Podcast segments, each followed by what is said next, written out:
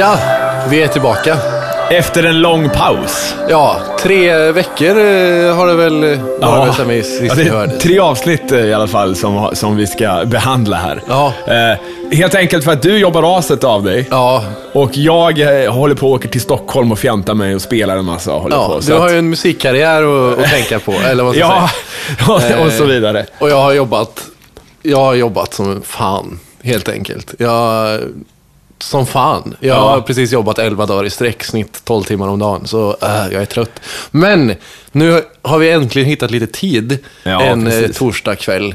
Och jag är ledig imorgon, så det är sweet. Ja, men då så. Då så. Ehm, så är vi tillbaks. Ja, och eh, ja, har du, var det länge sedan du kollade på avsnitten?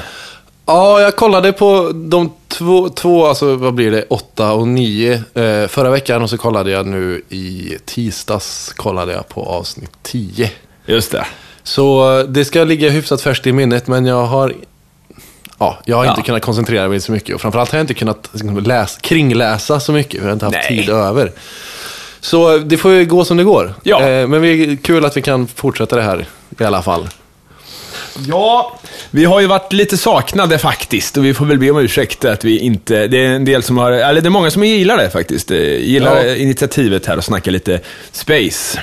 Och det var ju lite space nu, tillbaka ut i rymden lite grann. Ja, det var lite upp och ner. Ja, eh, men det börjar med åttan. Eh, Var vi ute där bland eh, stjärnorna. Sisters of the Sun hette episoden. Och eh, det var mycket det här som vi snackade om tidigare med, med spektrografin och olika stjärnor. Ta reda på vad de består av och eh, så vidare. Ja, det var väl så här, vi har ju varit inne på det här äh, i flera avsnitt egentligen. Så vi kanske inte egentligen behöver ta upp det så mycket. Nej. Men det som är intressant med det här avsnittet är ju att de lyfter ju fram en grupp personer som inte får så mycket uppmärksamhet inom vetenskap annars. Nej. Eh, men som ändå, vi, många exempel genom historien har gett ett väldigt stort bidrag. Och det är ju kvinnorna inblandade i det här. Eh, man säger, pratar ju om vetenskapsmän. Ja. Eh, och det är ju liksom, bara ordet är ju könsbetingat. Liksom. Eh, för att det är ju oftast, det har oftast varit, och det ju, är ju nästan alltid män. Vi pratar om Einstein och Newton och Faraday och alla de här är ju en lång rad med vita gubbar i princip. Men det är ju inte bara så det ser ut. Det är ju inte de enda som sysslar med vetenskap eller har haft en viktig roll för vår förståelse utav Nej, och det där är väl egentligen bara en så här eh, fråga om...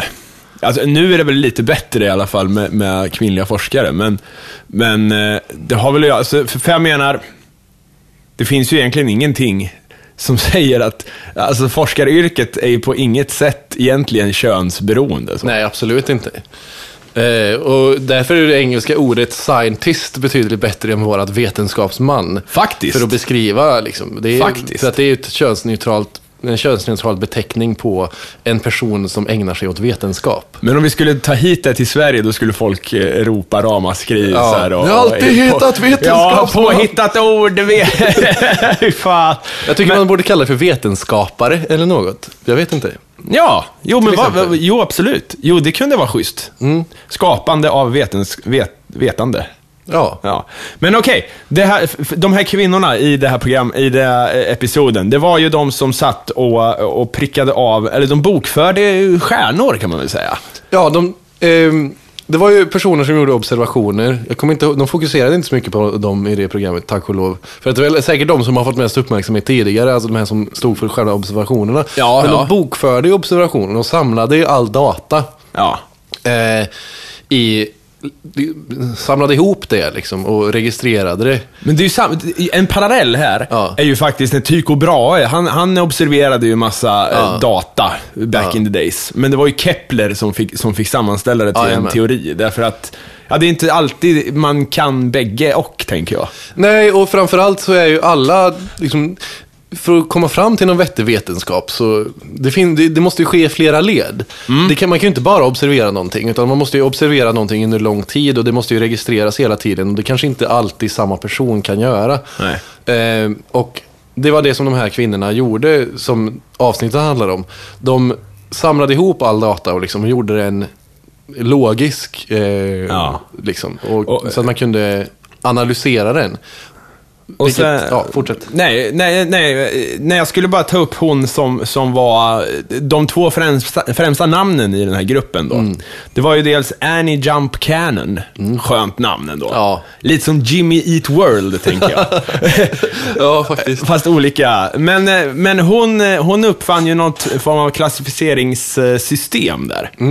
Eh, och, och, och ja, jag kan inte detaljerna i hur hon eh, särskilde på de här olika stjärnorna. Men hon identifierade i alla fall en eh, åtta olika typer, eller nio Ja, eller det vad det var. sånt, ja. Ja, och sen även var det ju eh, Henrietta Svan Leavitt. Mycket så här dubbel Ja.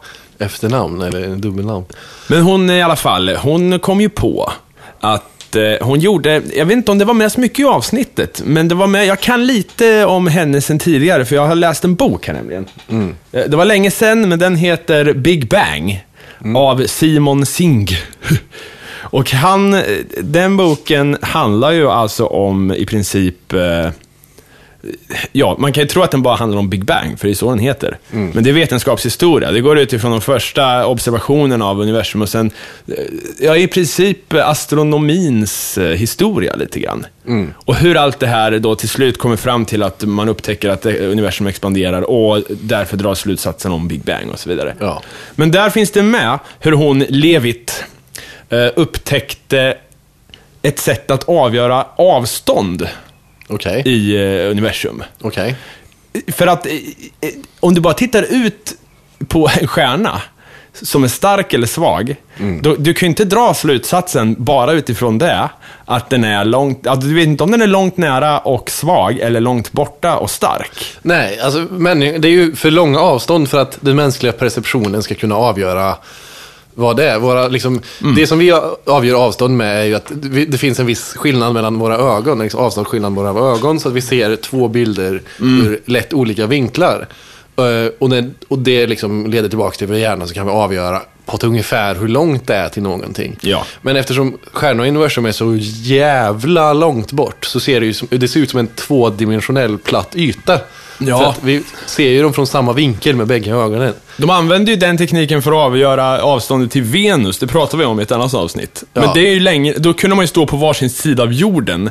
Och eh, om Ja. man la vars, ett öga på varsin sida av jorden, då, då kunde man avgöra med hjälp av samma djupseende då, egentligen. Ja. Men stjärnor, nej. Nej, men Venus ur galaktisk eller eh, interstellär eh, synvinkel är ju liksom eh, precis granne liksom. Men hon kom i alla fall på det här och hon lyckades genom att identifiera en viss typ av stjärna som hade, hon hittade ett matematiskt samband med det ljusets intervall och ljusstyrka och något sådant. Och, och, och om du bara hittar det, jag tänker, nu kommer jag inte exakt ihåg hur det var, men säg att du vet att en viss stjärna som rör sig, eller som, som blinkar då, du vet, vissa, vissa har ju ett intervall, där det- vad heter pulsarer och Ja, sånt. till exempel. Jag vet inte om det var exakt pulsarer, men, men i alla fall den här typen av De stjärna. upptäckte man väl senare. Ja, det men- kommer jag inte ihåg. Men, Men i alla fall, hur som helst. så att då hittar man ett samband med att den som har det och det intervallet har den och den ljusstyrkan och så vidare. Mm. Då kunde man ju direkt, då fick man ju ett sån här standard distance då, och någonting att mäta eh, utifrån. Ja, man hittar en Relativ mätsticka. avstånd. Ja, en mätsticka helt enkelt. Det här, jag kommer på en rolig grej faktiskt, som har att göra med avstånd och ljus och, och, och den biten. Det var på en fest för några år sedan. Mm.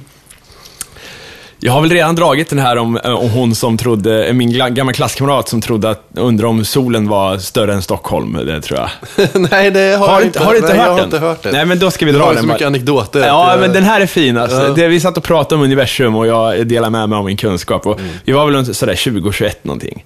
Sen är det plötsligt utbrister någon så här, men hur stor är solen då egentligen? Är den större än Stockholm? och, och, och då, Ja. så ja men vad fan sa jag, och så ritar jag upp så här, Stockholm, jorden, solen. Och sen solen versus VY Canis Majoris, den största stjärnan vi känner till. Det är bara så här, om du, ritar du solen som en prick så får du bara dra ett streck på pappret sen, lätt kurvat. och hon höll på att häpna och då sa jag så här, ja men visst, solen är en ganska liten stjärna, så jag. Varpå hon utbrister, men va? Solen är väl en sol? Ja, Och just den, Så här, men nej, vadå, vad tror du stjärnor är? Ja, men de håller på och blinkar och, och fem uddar och så här. Va, nej, nej, nej, för helvete, solen är en stjärna, du vet. Ja. Det är inte självklart för alla. Nej, alltså det är lätt att skratta åt, tycker man instinktivt. Men egentligen så här, det finns ju inget naturligt sätt vi kan veta det på. Jo. Om vi, inte har bli, om vi inte har blivit berätt, liksom, om vi inte någon har talat om det för oss. Ja, men det är ju där fe felet ligger. Det är ju Ja. att det inte är någonting som, att det inte tillhör allmänbildningen i så fall. Det är ju helt Det vansinnigt. tillhör ju allmänbildningen, men det är ju inte alla människor som kanske uppfattar eh, saker, de här sakerna. Liksom. Nej. Och det tillhör ju allmänbildningen för att li- vi har bestämt som samhälle, man ska säga att det är det här man ska veta. Men samtidigt lite grann att vetenskap, det behöver du egentligen inte veta. För det finns töntiga människor med glasögon och vita rockar som sköter det åt dig. Ja, Lite så. jo det är ju tyvärr lite så, men det är ju en väldigt, nu blir det en sidodiskussion, men det är ju tyvärr en väldigt farlig tanke i samhället. Att den här, för om man inte förstår vetenskapen så har man ju, då är det förståeligt att man inte ser dess nytta. Och om, om ett samhälle inte förstår vetenskapens nytta, då kan ju det samhället hamna i stora problem. Vi är ju där nu. fan. Ja, vi är absolut där Ja. nu. Och vissa länder är ju verkligen på väg dit. Liksom från att ha gått från, att ha gått från ganska vetenskaps... Eh, USA. ja, till exempel. Ja. Eh, och det, det, det är ju samhällsproblem. Så idén om vetenskap är ju någonting som det finns en, Mm. en viktig samhällsnytta i att försöka få ut.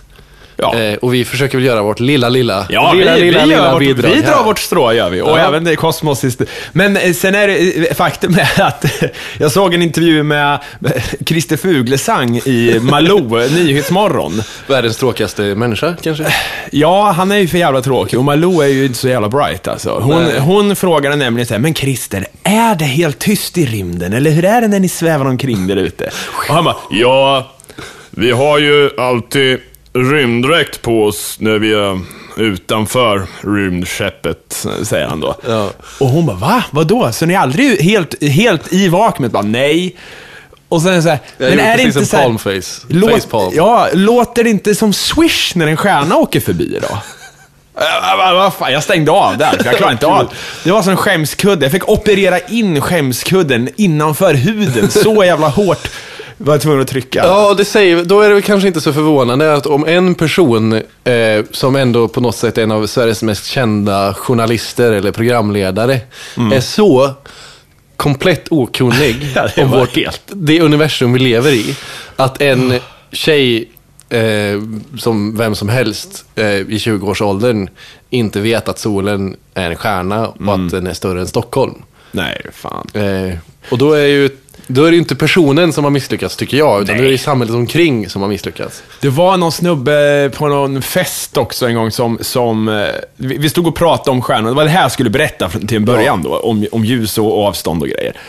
Då stod vi och tittade på stjärnorna på en balkong. Och eh, det var en väldigt ljusstark stjärna och jag sa så här, det här är nog eh, Jupiter, sa jag. Brukar oftast vara det. Jag är duktig på att hitta Jupiter. Så ta alltid upp den här stjärnappen som jag har på Ja. telefonen och kollar om det var Det Jupiter. Är det Google Sky Map då? Ja, ja det är det. Och det är alltid Jupiter. Men eh, i alla fall, Jupiter, eh, de- den känner man ju igen för att den är så stark. Men då, och samtidigt, då sa jag det så här, jo men det är nog Jupiter för att den är så stark. Och eh, då, då var det någon som hade en teori om att det skulle, för att månen var på himlavalvet då precis bredvid den här stjärnan. Då hade de en teori om att det skulle ju kunna annars vara månen som lyser på en stjärna. och så att den blir starkare. Därför. Ja, eller så är det inte så. Det är som att hålla upp en iPhone-display i Göteborg. Ja. Och sen en så här strålkastare i Kiruna blir starkare av det. Ja, Det, det är liksom... ja. Nej, Nej. fy fan. Det var, det var ett sidospår om okunnighet, men eh, Ja. man häpnar. Man häpnar. Ja, det gör man faktiskt. Och det är lätt att... Det är ju lätt hänt när man själv är så pass intresserad av någonting att man har svårt att förstå hur andra inte kan vara det. Nej, men, eh, men liksom, man kommer upp till en viss ålder ändå. Så här, visst, det var en, på mellanstadiet var det någon som menade att om, även om solen slocknar så kommer ju månen att lysa. Men det är helt rimligt för om du, går, om du är liten. Ja. Men inte, inte när du är ung vuxen. Nej, Äh, så här. Man tycker väl att folk ska kunna det. Eh, Mm. Men samtidigt så tycker jag inte direkt man kan anklaga dem om de inte kan det. Liksom. Nej, för fan, men nej. Nej, jag säger inte att det var det du sa, men Nej. det, Nej, men det är sant. Det är ju, det är ju såklart eh, samhället. Ja. Eller vår, vår syn på vetenskap, att det är någon form av specialämne. Så. Ungefär som syslöjd kanske. ja. Vi har ett kollektivt ansvar för allas vår bildning, skulle jag vilja säga. Oh ja. Och eh, ja, vad fan ska man mer säga om det avsnitt, stjärnavsnittet här? Det var, det var en del om hur, hur eh, stjärnornas eh, liv... Så- Och faktum är, Mm. Ja. vi har ju hittat nu solens syster. Nej. Läste du den artikeln? Nej. Man Man har, har- ju som sagt varit i radioskugga. Ja, nej men man har identifierat en stjärna som består av exakt samma gasmoln som fan. solen, när solen bildades. Vart ligger den? då? Ja, om det var 10 ljusår eller 100 ljusår, det minns jag inte. Nej. Men det var, det var en bit bort såklart. Men ganska nära ändå. Och de, de har formats ur samma eh, gasmoln då alltså. Vad fan. Och man kan se det på hur den har drivit iväg och eh, vad den består av. Ja. De hade massa kandidater, men det var tydligen bara en som passade in. Vad fan. Så att det är vår Det enda, det är vår syster i... eh, Och, och jag trodde de skulle prata om det nästan eh, så här, för jag hade läst den artikeln Mm. Innan jag såg avsnittet. För, för avsnittet heter ju Sisters of the Sun. Ja. Men det var ju inte det de menade, utan det var ju Nej. det här kvinnliga gänget som, som katalogiserade stjärnorna. Ja, det som man kan, det som vi kanske kan sammanfatta den biten med är att de här eh, kvinnorna då, den här gruppen som framförallt leddes av de här två. Eh, de sysslade med att registrera observationer som vi sa. Eh, och sen så började de eh, kolla datan och så kom de fram till eh, en del intressanta saker. Bland annat det som du sa. Eh, och det var ju genom deras forskning som spektrografin upptäcktes. Nej, inte upptäcktes. Nej men, Eller kanske att man kunde tillämpa det på stjärnor. ja. Men det här med att grundämnen lyser ut olika eh, spektran, det Ja. upptäckte Det var ju han i det här tidigare avsnittet. Ah, vad hette han? Huh, Optiker, optikern. Ja, nu, Fan, ja, jag minns nu, nu inte. är hjärnsläppet. Ja. Men i va, vi, vilket fall, där deras, upp, deras gemensamma upptäckter är ju en väldigt stor grundsten Mm. i hur vår förståelse av universum ser ut. Mm. Eh, och det är ju därför väldigt viktigt att de fick eh, och har fått det här eh, uppmärksamheten. Trots att de är ju döda sedan länge. Men Mm. för att det blir lätt så annars att vissa människor eh, kanske sållas bort lite grann. Liksom. Och, vilket de var nära på att göra när hon pro, pro, liksom, eh, skrev sin eh, bok och sin observation. Så Ja. blev hon ju hånad. Eh, och förnekad på många sätt. Just på grund av att hon var kvinna. Ja, för jävligt. Eh, men sen så talade bevisen starkare än någonting annat. Och det är ju så vetenskap fungerar. Liksom. Har du bevis Ja. Eh, baserat på observation och är du genomgående, då kan du inte förnekas för all, alltid. Liksom. Det är så jävla skönt med vetenskap Ja, också. och det, ja. bevisen är större än personer. Liksom. Alltid. Fraunhofer hette han som upptäckte de där linjerna. Så var det. Mm, Spektra, spekter, ja. Eh, ja, men, men jag tänkte på det också med stjärnbildningen. Mm. Med solens syster och så vidare. Det har ju länge spekulerats i att vi skulle ha en, en eh, mer nära, eh, ett nära syskon till solen som är lite som planeten X, eller vad man ska säga. Ja. För mörk för att, för att avge något ljus. Så att vi vet inte att den är där, men den skulle kunna vara där.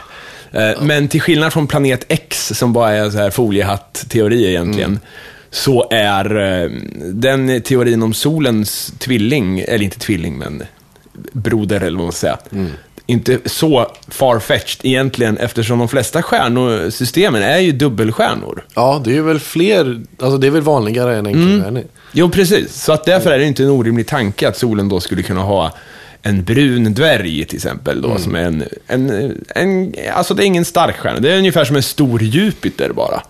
Okej. Så att det är som en gasboll som aldrig riktigt fick eh, fart. Men eh, pågår fus- fusion i en sån? Nja, säkert kanske lite. Eller det, nej, det vet jag fan faktiskt. Nej. Det, det kan jag inte svara på. Men eh, jag vet inte, det måste ju vara någon skillnad mellan stjärna och gasjätte då. Ja, det är väl det jag tänker. Ja, Inte vet jag. Men eh, hur som helst har man inte hittat något bevis för den här. Men, eh, men jakten har ju pågått ett tag i alla fall. Ja. Eh, ska vi gå vidare till eh, avsnitt 9? Ja, jag tänkte bara en, en grej. Eh, Ja. Jag vet inte hur länge vi kör idag, det är ändå trippelavsnitt. Eh, men apropå det här eh, grejen med kvinnor i vetenskap. Mm. Så Neil deGrasse Tyson, eh, som ju är programledare. Just det. Han hade ju en... Det finns ju en video på honom på, på internet. eh, Ja. Där han pratar om just precis det här. Och han gör det så, så jävla bra. På, på ett sätt som, som verkligen... Som vem som helst kan förstå. Ja. Och det är ju, de sitter på, han är med i någon panel om det är Harvard-professorer eller någonting sånt som, som sitter och pratar. Och så ställer någon frågan, eh, varför är det så få, få kvinnor inom vetenskapsfältet? Finns det nå möjligtvis någon genetisk förklaring på att eh, det är så? De frågade det också, genetiskt. Ja, de antyder det. Och, Eller så här, någon biologisk orsak till det. För att enligt de som sitter där, deras begreppsvärld, liksom, det, var ju, det är ju bara vita män från eh, välrenommerade bakgrunder som har haft möjlighet att gå på Harvard. De har ju inte haft något hinder i vägen Nej. för att ta sig till den position som de är. Och då kanske man, man kan ju visst klandra deras trångsynthet. Eh, man kan ju ändå förstå den. Liksom. Att de inte har upplevt något hinder så tror de att det inte är, eh, finns något hinder för andra heller. Eh, och deras förklaring på varför det är så få kvinnor då, beror inte på några sociala orsaker, utan det beror på att ja, men då måste det vara genetiskt. Och då förklarar ju Neil deGrasse Tyson det så, så, så klockrent. Han drar väl paralleller till att han är svart? Ja, han är ju han är en svart kille från eh, Bronx. Eh, eller Brooklyn. Jag Ja, kommer det inte ihåg. vet jag inte, men ja. Eh, som kommer från en, visserligen en akademisk fam- familj, men inte någon högt ansedd eller rik eh, bakgrund. Liksom. Och han berättar ju då att, så här, han säger ganska rakt ut, så här, jag har aldrig varit kvinna, så att jag vet ju inte, men jag har mina erfarenheter. Och jag som svart eh, inom det här fältet har stött på hinder i varje del av vägen. Vid varenda liksom vägkorsning så har det funnits en spärr som jag har varit tvungen att kämpa mig över. Och liksom, jag, alltså han beskrev det så, så målande på något sätt. Att vi, han har alltid behövt ta sig över hinder och bestiga berg. På grund av hans eh, hudfärg och vilka förväntningar som finns på honom. Det är så nej du ska inte, du, varför ska du syssla med astrofysik? Eh, Du ska väl eh, hålla på med idrott istället. Eller något liknande. och så har han tagit sig hela vägen fram. Så hans svar blev ju, vi vet inte om det finns några genetiska orsaker till att färre kvinnor sysslar med vetenskap än att män gör det. Men innan vi ens börjar prata om genetiken så får vi i så fall se till att alla har samma möjligheter. Och när alla har samma möjligheter, om det finns några skillnader fortfarande då, då kanske vi kan ha den diskussionen, men inte innan det. Nej. Och det tycker jag är jäkligt bra sagt. Ehm, och han pratar utifrån sina erfarenheter. Och jag tror att det är, jag, jag är helt övertygad om att det, det stämmer, att det är samma sak där. Kvinnor åker på vägspärr på vägspärr på vägspärr på sin väg dit. Och det är så många som vill, garanterat. Men de flesta ger upp. Så att i slutändan så är det så få. För att de inte får samma möjligheter som de här äh, männen. Men det var ju väldigt vetenskapligt tänkt av honom också. Att Ja. vi får, vi, vi säger, jag säger inte nej, men vi väntar och ser tills när eh, vi kan jämföra. Ja, precis. Så är det ju med, med mycket egentligen. Ja, absolut. Ja, det, det, det, det vet vi ju inte. Men om vi, vi måste ju ta bort variablerna Mm. en efter en. Och när alla variabler förutom den är kvar, då kan vi ha den diskussionen. Absolut. Ehm, Fan, ja. ska vi ta, ta en kort paus? Ja, det och kan sen vi går vi på nian då, eller? Ja. Ja. Ja, eh, det, det handlar, nian handlar Mm. lite mer om, eh, det är lite jordnära eh, jämfört med den andra. Det handlar om platt tektonik och, vad ska man säga, Heter det- kontinentaldriften. Heter det plattektonik på svenska? Det vet jag inte i och för sig. Plate tectonics. Ja, jag bara jag gissar. Ja. Svengelska åtminstone. Nej, men det är ju faktiskt ett ämne som är ganska... Vi tar det ju för givet. Att, Ja. För vi vet ju hur det ligger till. Men eh, innan de kom på det här, är ganska, tog det ganska lång tid innan man greppade det. Jo, det är ju som mycket inom vetenskapen så är det en av de här sakerna som har upprört känslor och skapat kontroverser. Och som en, som en, en av de här, ytterligare en av de här sakerna som det finns ingen naturligt sätt för oss att ens kunna ana att det varit så här.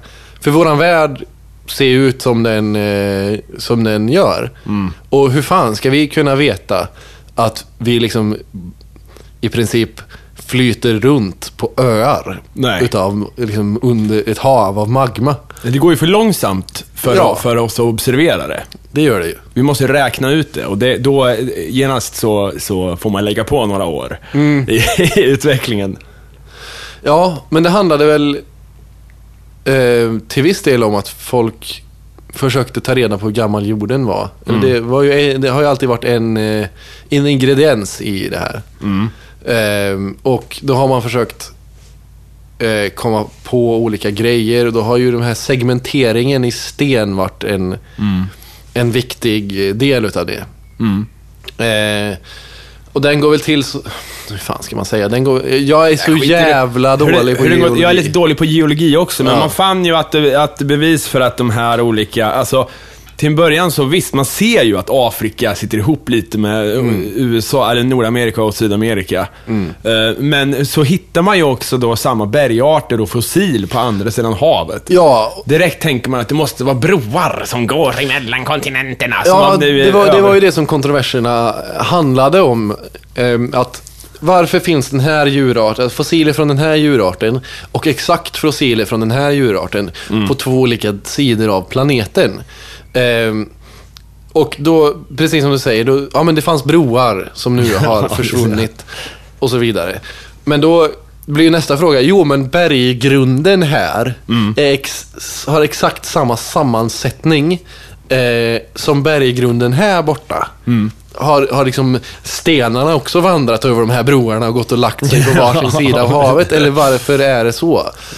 Och då försöker man komma fram till svaret och det blir ju ehm, Ja, Ja, att att- plattorna rör sig. Plattorna rör sig, kontinenterna skiftar runt. och flyttar. Kontinentaldriften den ljuva. Men han som kom på, han som hade teorin där, vad heter han? Han hette Alfred Wegener då. Ja, Som, han som, det var han som gick bort och dog på, på isen där när han var ute på en expedition. Ja, just det. Han bara försvann. Ja, visst, visst. Mycket så jävla hårt. Ja, men många öden i vetenskapsvärlden alltså. Det, det är fascinerande. Jo, men det var ju, förr var ju fan vetenskap, vetenskapsmännen eller vetenskaparna. Ja.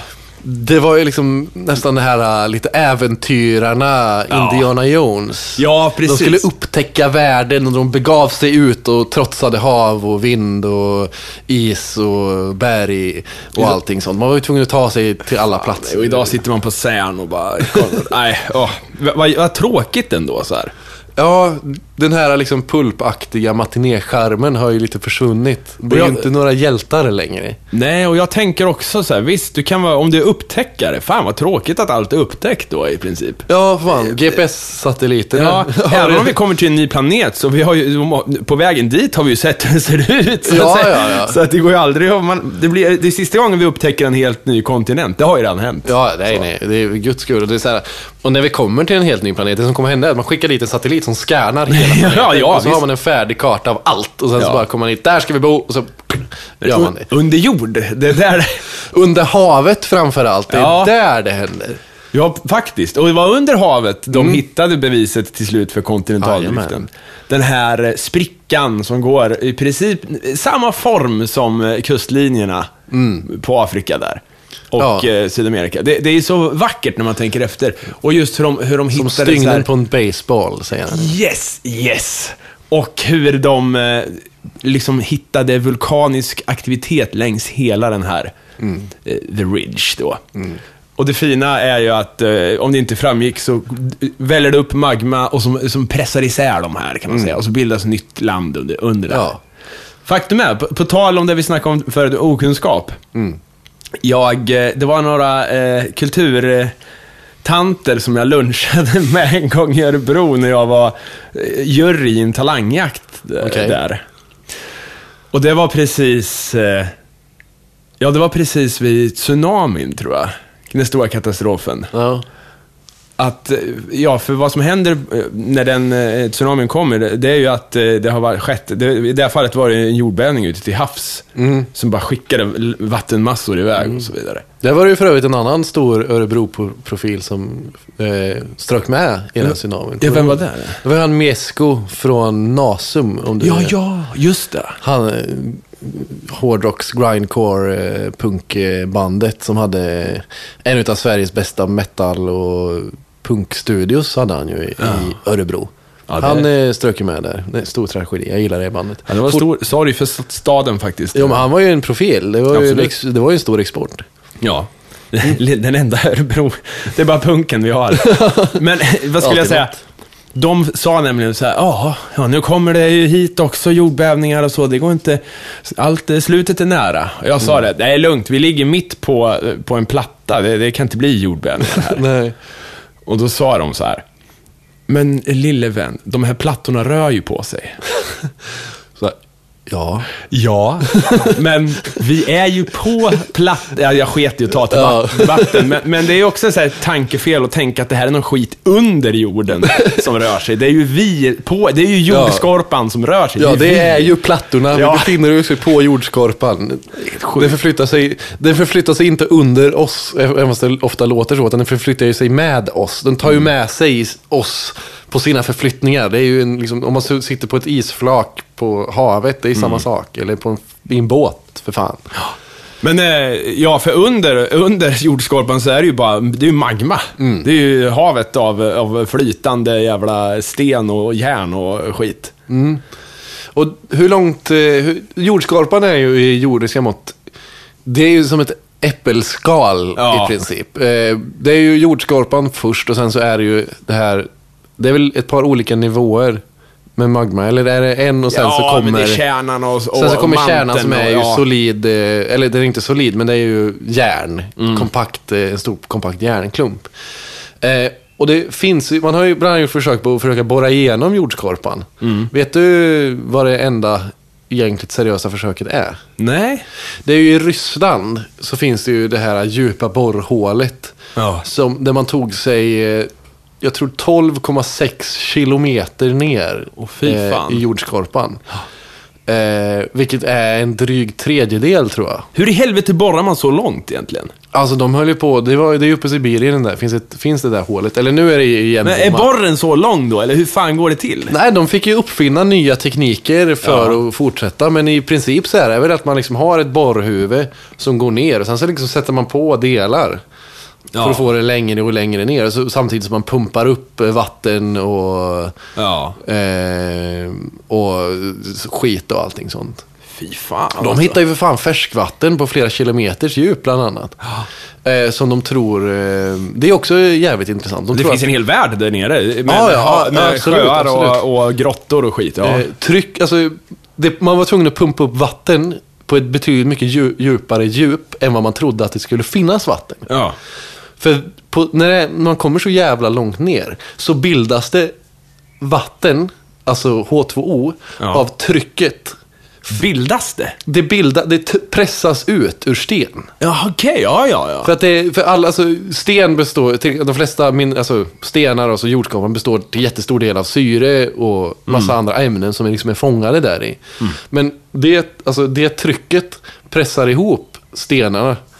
Eh, Och trycker ut vatten då? alltså? Trycker ut vatten. Produkter. Fan, vad, det visste jag inte. Det är ju det är sjukt.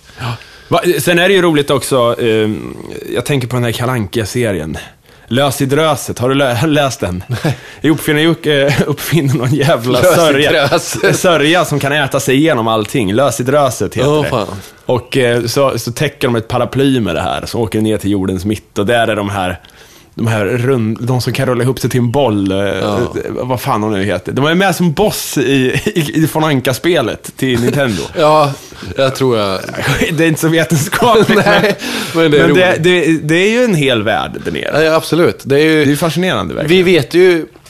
Nej, nu var jag nära på att säga någonting dumt. Jag tänkte säga att vi vet mer om vad som händer i rymden än vad som händer under oss. Det gör vi ju faktiskt inte. Nej, kanske inte. Men, eh, men det är en fin liknelse ändå. Alltså, det, det är ju ändå, ligger någonting men, i det. Men vi vet väldigt, väldigt lite om hur det ser ut under oss. Vi vet extremt lite om hur det ser ut eh, i haven och så vidare. Och jag tycker att det är nästan minst lika fascinerande som, Mm. som rymden. Men sen är det ju också, det är kul att om en planet är geologiskt aktiv, som man kallar det, eh, så, eh, jag menar fan, jorden är ju det. Det, det är ju det, alltså, den har ju inte svalnat, utan det, trycket håller ju fortfarande igång den här apparaten som, med massa skit som rör sig och driver kontinenterna och så.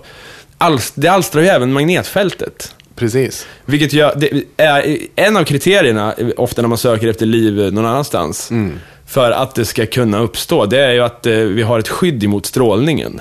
Tack vare magnetfältet. Så att, eh, att titta på en planet och, och avgöra om det kan finnas liv där, det är också att ta reda på lite grann om den är geologiskt aktiv. Och jag tror inte det är alls många himlakroppar i solsystemet som är det. Jag vet att eh, Io, en av eh, Jupiters månar, är det. Ja. På grund av att eh, Jupiter och de andra månarna sliter den fram och tillbaka och då, då Ja, friktionen... men det, det är ju, Europa är ju också det. Är den geologiskt aktiv? Ja, det vet man kanske inte i och för sig. Men man tror Jag- ju att den kan vara det. Ja, den kan, ja, ja man, det är ju lite frågetecken sådär, Ja. om de andra himlakropparna. Men till exempel Mars är ju inte det. Nej. Den har varit, för den har ju solsystemets eh, högsta vulkan. Men eh, inte längre. Och det, det är ju en av de orsakerna till, till vad, att det blir svårt att kolonisera Mars, tänker jag. För att du kan inte bara bygga ett så här skydd, strålskydd eh, som vi har. Utan du, du måste ju skydda dig i så fall. Du får ju bygga någon jävla tak eller någonting. Ja. Nej men det är alltså... Det är ju den kosmiska bakgrundsstrålningen är ju fan livsfarlig liksom. Det är ju radioaktiv Eller om strålning. det är det bakgrundsstrålning, inte solstrålning. Solens strålning. Det, är- det är väl solstrålarna som är Ja, farliga. det kanske. Den som Ja, det- skickar ut. det Eller det, det kommer massa skit. Det har, regnar ju ner på oss. Det, det är inte så jäkla sunt att befinna sig ute i rymden Nej. utan, u- utan skydd. Faktum är att de första månfäderna, Mm. då var det en solstorm som de lyckades undvika precis. Alltså. Det var på håret. Fan. den, det var innan man visste om det här. Om den hade kommit när de var där på månen, då hade de grillats alltså. De hade, oh, hade gått åt helvete tydligen. Ja. Så att det, det, det är livsfarligt. Och det är ju en av anledningarna till varför det blir svårt att åka till Mars också. Vi, må, eller vi måste bygga in oss i någon jävla blyhölje då, som skyddar mot all den här skiten. ja, i princip. Så, och det är, det är en av de sakerna man inte tänker på. Det är en av de anledningarna till att jag tror att det här jävla Mars One aldrig kommer bli något. Förutom att det är totalt orealistiskt ur jättemånga olika... Nej, det kommer ju, de kan, det blir, de kan ju döpa Heter om det det- till så här, Mars One streck Cancer in Space kan det heta. Så kan vi få se brutala missbildningar och grejer på de här. Men grejen är alltså, till att börja med, alltså folk är så jäkla upphausade över det där och uh, den här antagningsprocessen är i full gång. Men jag säger, jag säger, säger redan nu, glöm det, det blir inget. Ja, jag tror det när jag ser det. Men eh, magnetfältet. Mm. Eller, jag ska säga en sak om, jag tycker det är fascinerande, på samma sätt som jag inte riktigt kan greppa att solen fortfarande brinner, fastän att det, den gör av med så jävla mycket bränsle hela tiden. Och, och, Mm. Jag menar, en sak, visst den är stor, men så jävla stor att den kan fortsätta i miljarder år, det är sjukt. Alltså. Ja, det är sjukt. Men en illustration av detta finns faktiskt utanför um, Kumla, där Okej. jag kommer ifrån. Där finns det en slagghög som är alltså ett, ett konstgjort berg kan man väl säga. Okej. Det Närkeslätten är ju helt platt, det är ju gammal Ja. havsbotten. Ja. Men Kvarntorpshögen då, som den heter, den är stort, stor kulle där. Mm. Som egentligen är byggd av människan. Det, man, man la på hög allt som man, för det var gruvdrift i området. Mm. Allt man grävde upp, så la man på en stor hög bara. Ja, så det är en stor kulle nu, det är konstgjort. Och sk- den skiten har alltså inte svalnat än, som jag har förstått det. Så att det är fortfarande att det, det, det ryker ur den där jävla högen. Och det, det har varit det hur länge som helst, sen- kriget. Ja, fan. Eh, Jag är inte säker på vad det är för något i den där högen, och jag, det, det har jag hört. Men, men eh, det är nästan som att den är vulkanisk. Eh, Det, det pyser upp de här jävla ångorna ur den och så. Ja, fan. Och eftersom den inte har svalnat, Nej. då kan man ju ändå på något sätt greppa att jorden inte har svalnat. Ja, det, ja, absolut. Det finns ju någon, någon sån här jäkla, något jäkla hål någonstans. Ja. Som kallas för typ the, the gate to hell. Ja, just jävlar! Ja. Eh, och det är ju, det, det är ju en vulkaniskt aktiv grop i marken kan man väl säga. Där det kommer ut gas utav olika slag. Jag kommer inte ihåg exakt vilken gas det är som pyser ut. Men liksom det bara pyser ut djupt ifrån mm, djupt ifrån Mm. eh, marken. Och då har ju forskarna för en massa år sedan var ju där och undersökte. Det var någon som eh, kom på idén att fan, tänder eld på skiten. Ja, Så det, bör... så det började ju, det började så här, det tog sig och började brinna och det brinner ju. Det brin- har ju brunnit hur länge som helst. ja. Så det brinner ju fortfarande. Det kommer inte ta slut. Den kommer ju fan brinna där fucking för alltid liksom. Fan vad roligt. Fan vad dumt. Ja, dumt. Men, eh, åh herregud, det finns idioter till allting. Men eh, jag tycker, alltså vulkan, jag såg den här jävla filmen eh, Pompeji häromdagen. Ja, den har inte. Asdålig! Kolla för fan inte på den. Det är det sämsta skit jag sett. Ja. De skulle ha någon sån här Titanic-romans där, men det gick bara- helt åt helvete. Och Gladiator möter Titanic i fast vulkan, och det var bara skit alltså. Då, det är bättre att kolla på Dantes Peak med, med vad heter han, eh, britten? Eh, Bond. eh, Ja, det är ju... Åh, tappar bort. Någon irländare. faktiskt. Pierce Brosnan. Pierce Bro- just det, exakt. Nej, men jag tyckte att det var lite väl dramatiskt, för då den där vulkanen bara spyr eldbollar och det kommer Mm. otroliga jävla dödseldar. Men Mm. faktum är att vulkanutbrott är inte så jävla... Jag menar, när det var på Island, den här Eyjafjallajökull. Ja, då stod ju ändå folk med, de åkte dit med helikopter och stod bredvid kratern och kollade på skiten. Ja, Eh, Men ändå, askan som ramlar ner och allting, det är ju förödande krafter. Men, men Ja, det är ju inte det här eldhavet. ja, men det är ju en viss skillnad på Eyjafjallajökull och om, eh, vad heter den här, eh, Silverstone? Nej, heter den så? Yellowstone. Yellowstone. Åh, fy fan. Om den skulle smälla. Då kommer jag in, då kommer ja. in på det här som de tar upp i det här avsnittet faktiskt. Extinction events. Det, ja, bra, bra koppling. För att det, där har vi ett av dem. Där har vi ett, ett av de potentiella extin, extinction eventsen som skett. Och när man pratar om det så pratar man ju om ju, sen det uppstod liv på jorden, Mm. är det ju, det är ju det här spannet på ungefär, långt räknat en miljard år. Mm. Ehm, så ändå en femtedel av jordens... Eh, för innan det så kunde det inte existera liv. För Nej, nej. det sög ju situationen. Jorden var skit eh, innan. Ehm, men det har ju hänt in, under livets evolution ett antal extinction events. Och då är det ju... Eh, Yellowstone har ju potential att bli ett sådant. Ja. Eh, Eftersom det är ju vulkaniskt aktivt och det är ju en supervulkan. Eh, och det som händer då är väl att för att det ska räknas så ska väl en 80% av livet på jorden utrotas. Ja, Eh, och ja, de tar upp det i avsnittet i alla fall. ja, men de är Eh, ju den här The Hall of Extinction som ser Ja. ut som en jävla skorsten som de går omkring i. Ja. Och det- det, eh, tar upp en massa olika och även varnar att vi kan hamna där en gång och så. Ja. Men faktum är, Yellowstone då, för de som inte vet, är ju alltså en supervulkan. Mm. Hela jävla parken egentligen. Ja, Yellowstones nationalpark är väl en av de världens största nationalparkerna och har ett enormt rikt biologisk mångfald och så vidare. Mm. Men under det här så är det ju eh, massiva, massiva vulkaniska krafter som man inte vet och inte kan förvarna egentligen heller, som jag fattar det som. Nej, När det kommer- nej, nej visst, skiten kommer smälla. Man säger ju att den är long over, overdue. Mm. Om den följer den cykel som den gjort, att var 400 000 år så kommer det. Eller någonting. Jag tror att det är mer sällan faktiskt. Tror du? Ja, det kanske är. Jag, jag är osäker, men hur som helst, då har det gått för lång tid. Då, då är det, då, vi har gått över förväntad, förväntat utbrott. Då. Med marginal också, som jag fattar det. Ja, men det kan ju också bero på att den inte kommer att bli en supervulkan så. Ja. Men om den blir det, bli inte rädda nu kära lyssnare, men då kommer USA fara åt helvete. Ja. Det blir bara skit. Det kommer bli en grop. Ja, eller typ, men det kommer ju regna ner aska så att det, det, det kommer inte gå att rädda.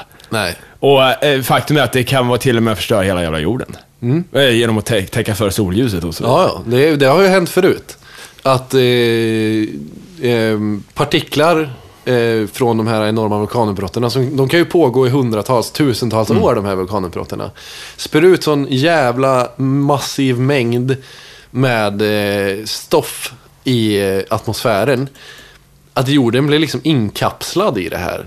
Och det kommer inte in något solljus. Och det blir ju en, eh, det blir ju en evighetsvinter Ja. i princip.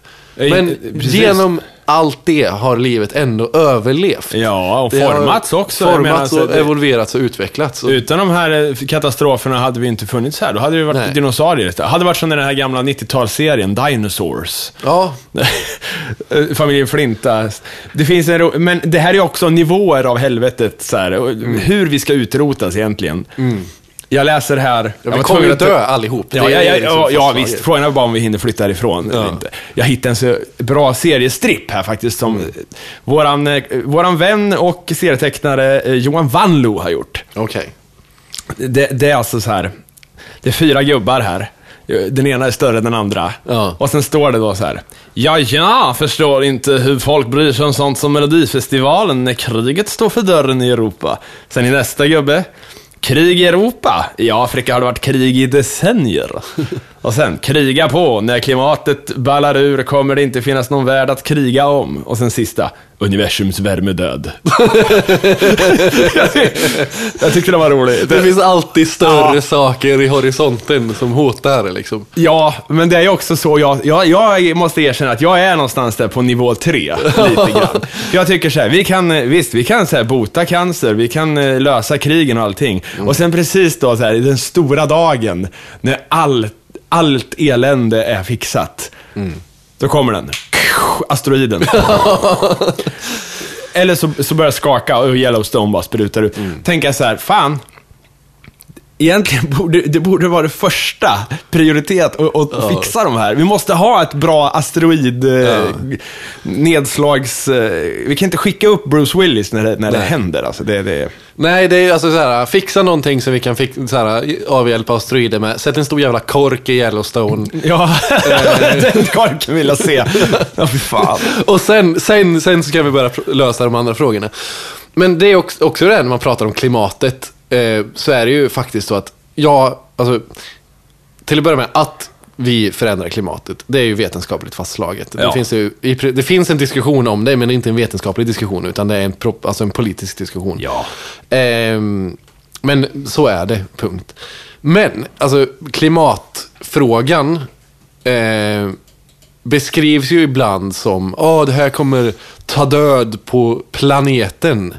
Och det är ju inte riktigt, alltså, så här, det är Mm. Nej, nej, det är jätteviktigt att, att, att, att försöka rätta till klimatet, men vi gör det ju för våran skull. Ja, vi gör det ju för att våra städer inte ska kuststäder inte ska svämmas över. För att vi inte ska ha miljarder klimatflyktingar som Mm. måste liksom fly ifrån sina gamla hem när öknen breder ut sig. Fan, jorden som planet, den kommer, den kommer ju inte, den kommer ju gilla det lite grann. Ja, den har ju sett värre Ja. och klarat sig. Det kan man ju liksom, livet har ju sett betydligt liksom, magnitud värre än vad vi någonsin kommer kunna åstadkomma. Vilka tror du tar över då, om vi stryker med? För att innan var det ju däggdjuren. Ja. De, de pallar ju eh, klimatförändringarna, det gjorde inte dinosaurierna. Nej. Eh, jag, jag håller på insekterna, ta mig fan. Insekterna har alltid tagit över. Ja. Planeten tillhör insekterna redan från början. Jag tror det, Det, de, har, de kom... De gjorde, de gjorde entré på banan sjukt tidigt och de har inte försvunnit någonstans. Nej. Så det är, ja, såklart insekterna. Eh, sen om vi, om vi skulle utrota oss själva under en hypotetisk scenario, kommer vi någonsin se en civilisation igen? Det är ju det som är frågan. Ja. För orsaken till att vi har en civilisation är ju för att vi är intelligenta. Och då kommer vi även tillbaka till det här äh, med geologin. Som hur nära vår intelligens är kopplad till Ja, för det var med lite i avsnittet också. Jajamän. Hur var det nu igen? Så här. Eh, vi är ju primater. Eh, och, Ap. Ja, apor liksom. Så våran, eh, våran linje på evolutionsträdet härstammar ju från eh, Centralafrika. Det var ju där vi utvecklades. Och det som skedde var ju att när de strömmarna som gick eh, genom havet Ja, förändrades på grund av att Mellanamerika och Sy- alltså Nordamerika och Sydamerika växte ihop genom eh, att havsnivån sjönk. Tror jag att det var. Ja, eller så vad att, fan att det liksom var, den, ja. den centralamerikanska kontinentbiten uppstod. Så skildes ju Indiska oceanen och Atlanten åt. Och då Mm. förändrades ju strömna, strömmarna där. Det ledde ju till att strömmarna leddes om i Atlanten och den tidigare stora skogen som fanns i Centralafrika blev under många år en savann. Alltså de aporna som levde i träden och klättrade där och kunde få frukt och inte behövde vara intelligenta, de var tvungna att anpassa sig till sin nya miljö. Och det är det som har lett till oss. Ja, för de, helt plötsligt så var de ju på en nivå där med kattdjuren och eh, Ja. massa skit. Så, och, och, när man inte är i träden längre, då vart det ju så att då fick de ju lära sig annat skit för att... Precis, för att, då var de ju tvungna att... Då blev evolutionen...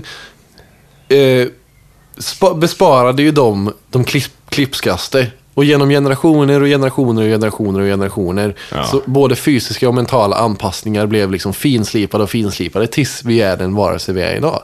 Jag har alltid undrat, du vet så här, 2001-filmen. De aporna som är, blir upplysta av den här monoliten som bara dimper ner. den här stora iPhonen. Eh, De är ju fan ute i någon jävla öken. Ja, Men ändå är det så massa grisar och skit som går omkring där. Det är ju helt, det är jättekonstigt att de har valt så här, "Ja, men vad fan, apor i öknen, varför inte? Så här, att där, för det var ju kanske så att visst, det var ju när det blev det här klimatet som människan eh, lärde sig de här tricksen.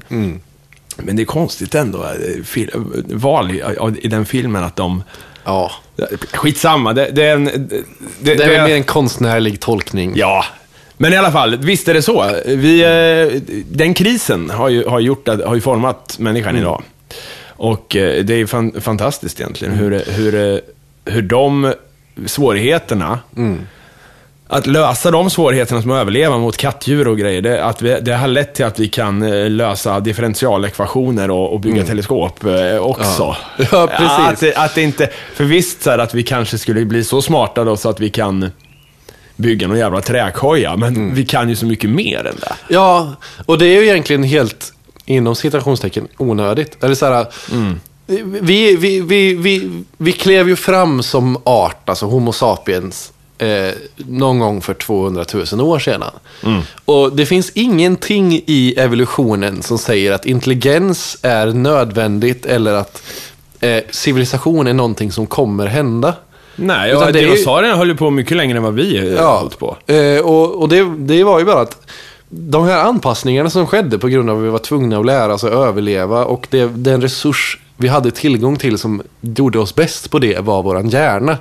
Har lett till att vi idag pratar om kvantmekanik och kan bygga transistorer och åka ut i rymden.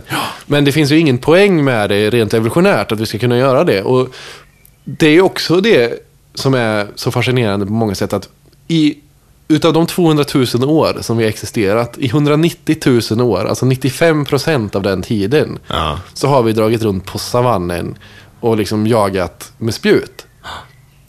Eh, det är bara, bara sen vi, under andra omständigheter, som de också tar upp i programmet, sen vi lärde oss bruka jorden eh, och blev bofasta, Ja. som vi var tvungna att eh, utveckla ett samhälle. Men nu var det ju inte vi som utvecklades egentligen. Alltså, det är klart vi har utvecklats till viss del, men det är 10 000 år är för kort skala på evolutionen för att egentligen göra någon skillnad. Eh, utan då var det ju hur vi gjorde saker. som Det är mer idéernas evolution. Ja. Man, lär, man lär vidare och, och, och skriver ner det på något sätt så att nästa generation också kan bygga samma vattensystem och, och så vidare. Så att mm, kunskapen går i arv och där, där kan man väl tala om att olika delar, alltså olika civilisationsfrön har ju klarat sig bättre och eh, fört det vidare. Så att det är ju idéernas evolution återigen. Sen tänkte jag på en kul grej, det här med världens undergång och, och civilisation. Ja. Eh, Jag läste i någon artikel, jag tror det var på Reddit, att det var en eh, snubbe då som hade spelat Civilization 2, tror jag. Och så hade han, för skojs skull, när han hade klarat spelet, så, lät han, så fortsatte han att spela det. Jag visste inte ens att det gick, för jag, det, som jag minns det av det här spelet så tog det slut när man åkte ut i rymden, eller fan det var. Ja, det finns ett par olika slut. Ja, men eh, att man kunde fortsätta, eh, det kan man göra. Minns du det? Jag, Nej, det, alltså jag spelade det här i mellanstadiet, så jag kommer ja, inte ihåg. fan. I alla fall. Det bara fortsätter. Eh, Han, han lät det här, den här spelomgången pågå i tio år. Åh fan. Och han beskrev vad som har hänt då i hans värld. Det har skapats tre supernationer. Det är han, och sen är det Vikingarna och sen är det någon mer. Så här, helt orimligt. Men de är i ständigt krig med varandra. Ja. Och det är alltid, det, ingen kan vinna, för så fort någon attackerar, då måste, Mm. så här, han, kan, han vill göra the preemptive strike, han vill s- slå till först. Men eftersom det är en demokrati i hans land så måste han övertyga folket först och då hinner Mm. vikingarna attackera. Så här. Det är en ständig ström av tanks bara, som skickas runt. Alla, alla städer är underutvecklade och det är så här, de, den största delen av jordens yta är obeboelig tack vare radioaktiv strålning Mm. här, efter alla kärnvapenkrig. Och de har haft den här stalematen då i, i, ja hur många, jag tror årtalet i spelet är så här år 3500 eller någonting. Mm. Men det här är ju George Orwells 1984 för fan. Ja. Tre nationer, Oceanien och vad fan är Ja. mer, i ständigt krig och så vidare. Ja, det, är fan, det får man ju tänka på ett annat spel. Eh, Ja. Med en liknande, liknande scenario. Eh, jag läste om en kille som hade en eh, Quake 3 Arena-server. Ja. Eh, med, eh, som man kunde spela på som, med bottar. Eh, Ja, just det ja. Eh, som var, var inställt liksom på... Det finns en, en intressant dynamisk AI i Quake 3 som by- byggde på att... Eh, AI fungerar ju enligt olika algoritmer, men det poängen är att de ska lära sig hur du spelar och så ska de anpassa sig efter det och så ska de liksom försöka göra... Alltså de ska försöka, ska klå, ja. Ja, de, de, de försöker ju utveckla sig hela tiden. Det finns en, liksom, en, en utvecklingskurva i hur bottarna Ja, agerar. Och det är ju för att då minimera sin egen... Alltså allting de ska göra är för att minimera sin egen chans att dö. Mm. Eh, för att eh, ja, försöka klå dig då. Och så om du ut, attackerar dem så, så försöker de... Det, det bästa det, möjligheten du har att inte dö då Mm. är ju att försvara sig, såklart. Och då hade den här servern stått i, sen spelet släpptes, eller någonting sånt. Ehm, Och simulerade... Och simulerade den här, liksom, den här arenan, den här konflikt, tänkta konflikten då. Ehm, och enligt de här bottarnas algoritmer. Så, och så hittade han den bara. Den hade varit på och online hela tiden. Men det var ingen som hade varit inne och spelat på den. Liksom. Nej. Eh, så han tänkte, vad fan. Det ska bli ett in- intressant experiment att se. Vad gör de? Ja. För de är ju motståndare till varandra också. Det är Ja. ju tänkt att liksom, de är ju två olika lag som ska slåss med. Och Så vad, vad sysslar de med? De har hållit, hållit på här i tio år. Vad fan det är. Så vad gör de? Så han går in då, loggar in på spelet. Och de bara står där. Ja. Eh, all, de bara står still liksom. Och, men de, fan, de ska ju attackera. De har slut i fred. Ja, och så skjuter han honom utav dem. Och då vänder sig alla bottarna från båda lagen mot honom, Ja. dödar honom och sen bara står still. Ja, det är så jävla bra. Det, alltså, och det här är ju För de har kommit på att det bästa sättet Ja. att inte dö på Ja. är att inte attackera någon. Fan, det är, så, ah, det är så vackert. Så jävla vackert. Och det här tänker jag på War Games också. Där man lär den här datorn, och, den här gamla 80-talsfilmen, att spela luffarschack mot sig själv. Och bara, allt krig meningslöst. blablabla. Eh, för att man kan ju inte vinna det. Om man, men, men och, och, det är roligt, för att då har vi två olika spel. Det ena har datorerna fått styra helt och hållet. Ja. Och då har, man, då har världsfreden eh, uppstått. Ja. I det här andra så har en människa varit inne och spelat i tio år. Då är världen en jävla liksom radioaktiv dödsland med bara tanks överallt. Ja. Fy fan, det säger något ändå om, om eh, vårt öde. Det gör det. Jag det tror det, i och för sig, alltså, de som tar över, om vi nu, om vi nu eh, går tillbaka till insekter och däggdjur och det här, varför inte robotarna? Nej, De kanske kan göra det här bättre. ja, och vad kommer de göra? Kommer de bara stå still då? Nej, men de kommer vara polare i alla fall. Ja. Säkert.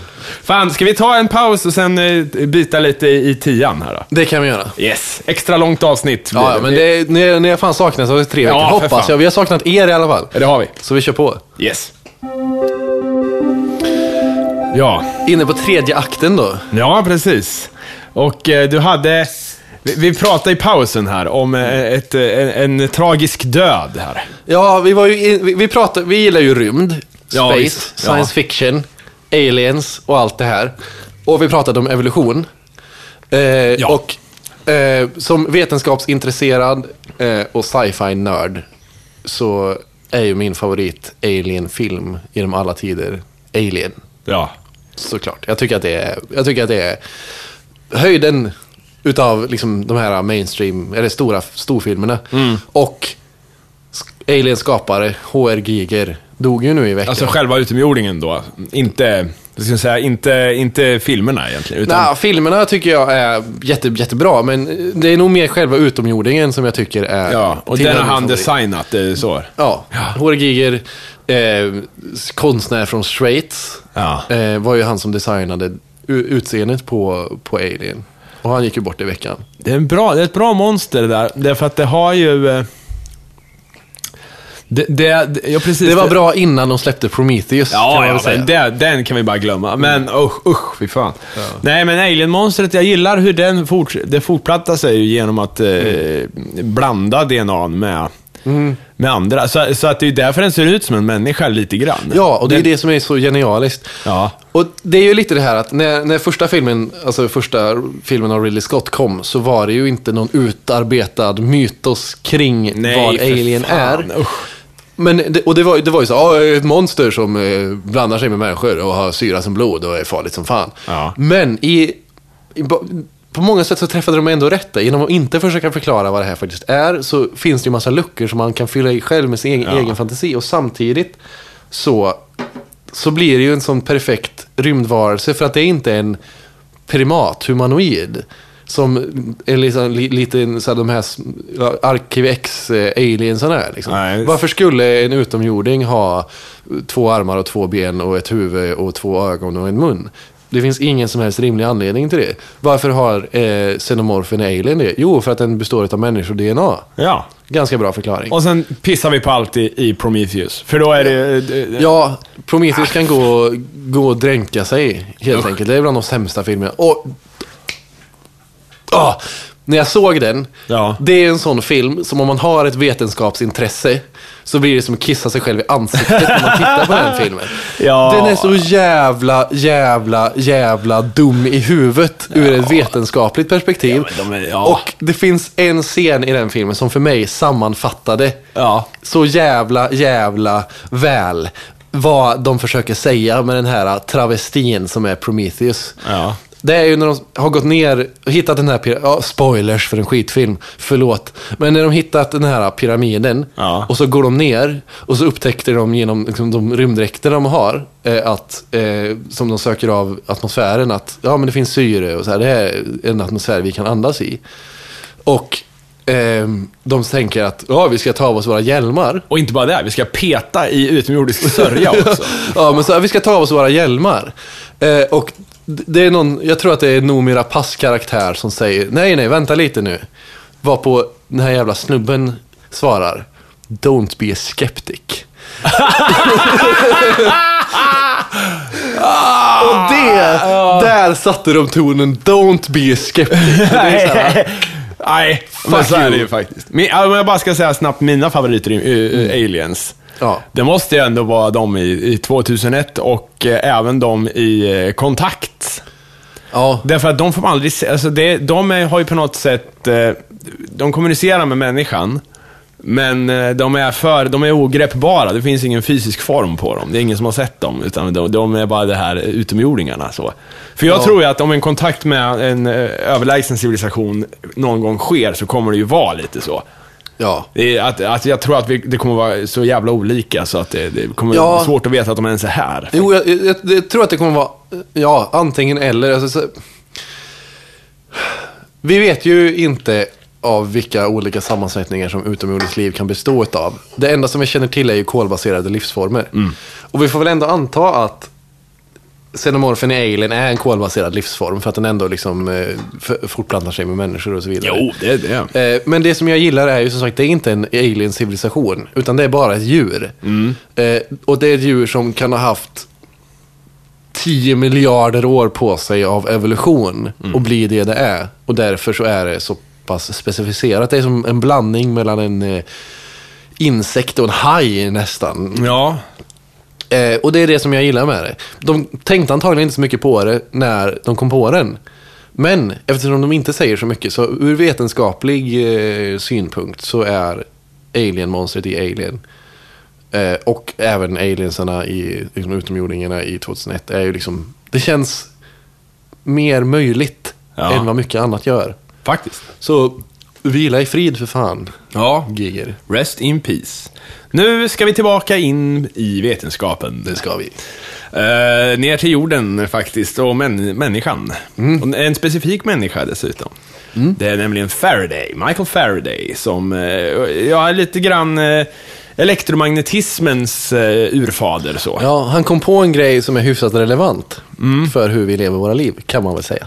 Det kan man säga. Nämligen, han tog väl, jag gillar ju hur de tar det här, att elektricitet på något sätt var lite cirkus förr. Det var en Magi, kul grej som kunde, man kunde göra. Men, men och, och, och faktiskt alstra och driva saker med eh, elektricitet, det var ju inte helt självklart för alla. Nej, man förstod väl kanske inte riktigt eh, principen av energi i så stor utsträckning på den tiden. Det är liksom inte tillräckligt för att kunna greppa att, att elektricitet är en form av energi. Nej. Eh, och det är väl därför som det var den här cirkuskonsten. Men ehm, alltså, principen vad gäller energi är ju att den kan aldrig skapas eller förstöras, utan den kan bara ändra form. Och det är ju det vi gör med elektricitet. Vi ändrar ju ener- vi, vi, försöker, vi skapar ju energi från någonting. Eller vi, vi, som, nu säger jag emot mig själv redan på en gång. Vi, vi vin, utvinner ju energi ur någonting. Och sen så omformar vi det till elektricitet. Ja. Som är en annan form av energi. Och sen så kan det i sin tur omformas än en gång till rörelseenergi eller ljusenergi eller värmeenergi eller eh, vad det nu är vi använder våra elektriska app- apparater till. Ja, men eh, det är också det här sambandet mellan, eh, mellan el och ljus då, som faktiskt Mm. eh, är, alltså den elektromagnetismen är ju eh, en och samma, ett och samma mynt, fast olika sidor kan man Mm. säga. Det är ju, man talar om universums fyra krafter. Starka Mm. och svaga kärnkraften. Och det, det är nere i atom, atomnivå. Då. Mm. Sen har vi gravitationen och elektromagnetismen. Det, är de, det är de fyra som, som styr hela, Mm. allt som händer här kan man säga. Jajamän. Och eh, elektromagnetismen, det är just det här sambandet som är ganska fascinerande. För det, på det sättet funkar ju inte gravitationen och så vidare. Det är ju, Nej. en, det är ju ett område som, Ja. som eh, det rör sig om. Medan elektromagnetismen är ju så jävla brett.